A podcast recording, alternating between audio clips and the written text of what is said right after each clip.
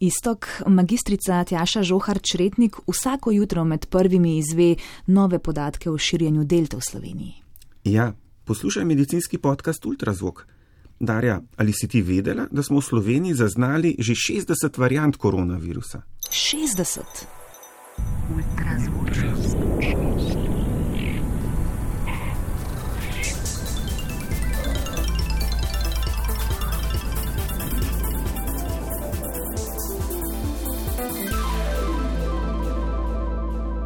Ultrazvok. V ultrazvoku tokrat zdravnica mikrobiologinja, magistrica Tjaša Žohar Čretnik, direktorica Nacionalnega laboratorija za zdravje, okolje in hrano, skratico NLZOH. Lepo pozdravljeni, dobrodošli. Lepo pozdravljeni, hvala za vabilo v vašo oddajo. V nacionalnem laboratoriju testirate vzorce na prisotnost novega koronavirusa, spremljate tudi širjenje različic virusa in pa o izsledkih obveščate javnost.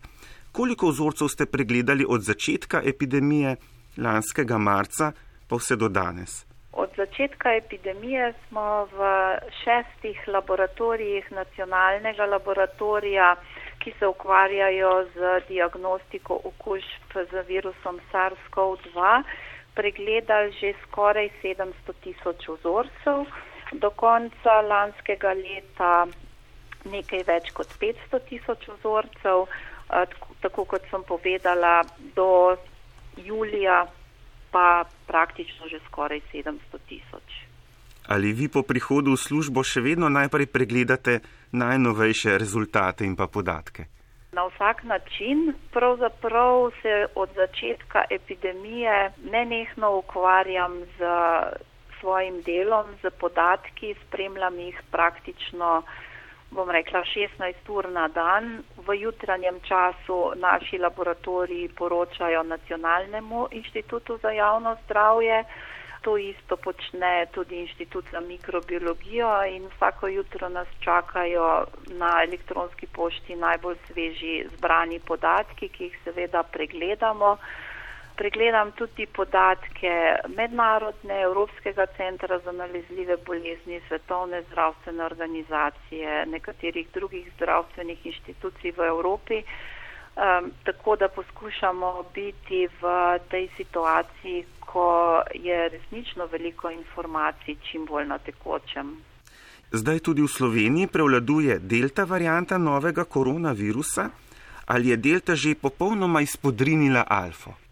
Po zadnjih podatkih iz prejšnjega tedna, zadnje poročilo smo namreč dali na razpolago javnosti v petek, je delež različice delta 89-procentni, kar pomeni, da že močno prevladuje. Takšen procent beležijo tudi države, kot so Velika, Velika Britanija, Združene države Amerike, kjer je delta, bom rekla, že presegla 90 odstotkov.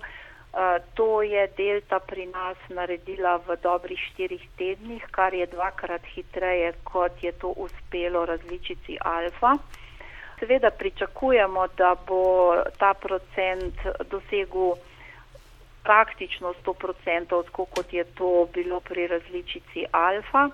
In zelo verjetno se bo to zgodilo v naslednjem tednu ali dveh. Delta je ta indijska različica, alfa Tako. pa je različica iz Velike Britanije, britanska Tako. varijanta. Tako. Zanima me, kaj pa se je zgodilo s prvotnim novim koronavirusom, če rečem zdaj s tem iz Kitajske, ali ga še zaznate?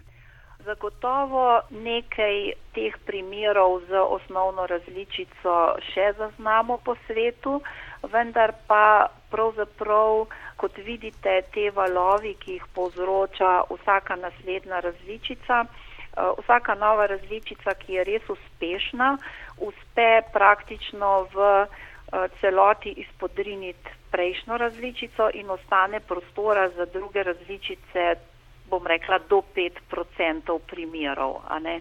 Tako da eh, pravzaprav te uspešne različice eh, močno prevladujejo, kar je seveda tudi logično, ker virus pač išče občutljive žrtve, če temu tako rečeva, in v bistvu um, uspeva tistemu, ki je hitrejši. Ultrazvok. Virus pa sploh ne miruje, vse čas se spreminja, vse čas mutira.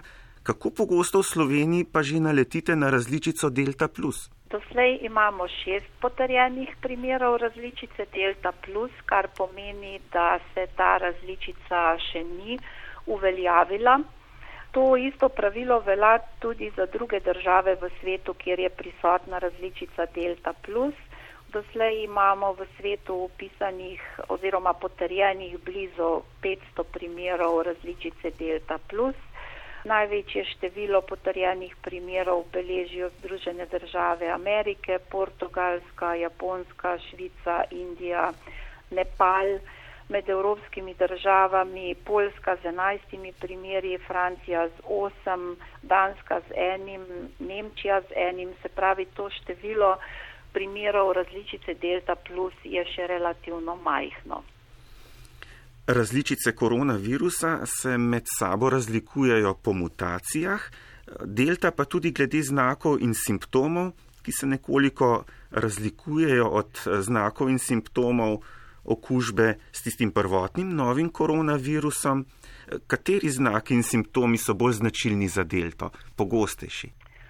Pravzaprav pomembnih razlik v klinični sliki uh, zaenkrat pravzaprav niti ne beležimo. Različica se uspešno širi med necepljenimi prebivalci, zato se širi tudi med mlajšim prebivalstvom, ki je manj precepljeno. V uspredju so zato, bom rekla, znaki, ki spominjajo na blago prehladno obolenje, lahko. Vsekakor pa je še prezgodaj za to, da bi govorili o neki specifični klinični sliki. V Sloveniji pa ste zasledili že kar 60 različnih variant. Tako je, zato ker izvajamo v bistvu obsežno sekvenciranje genomov.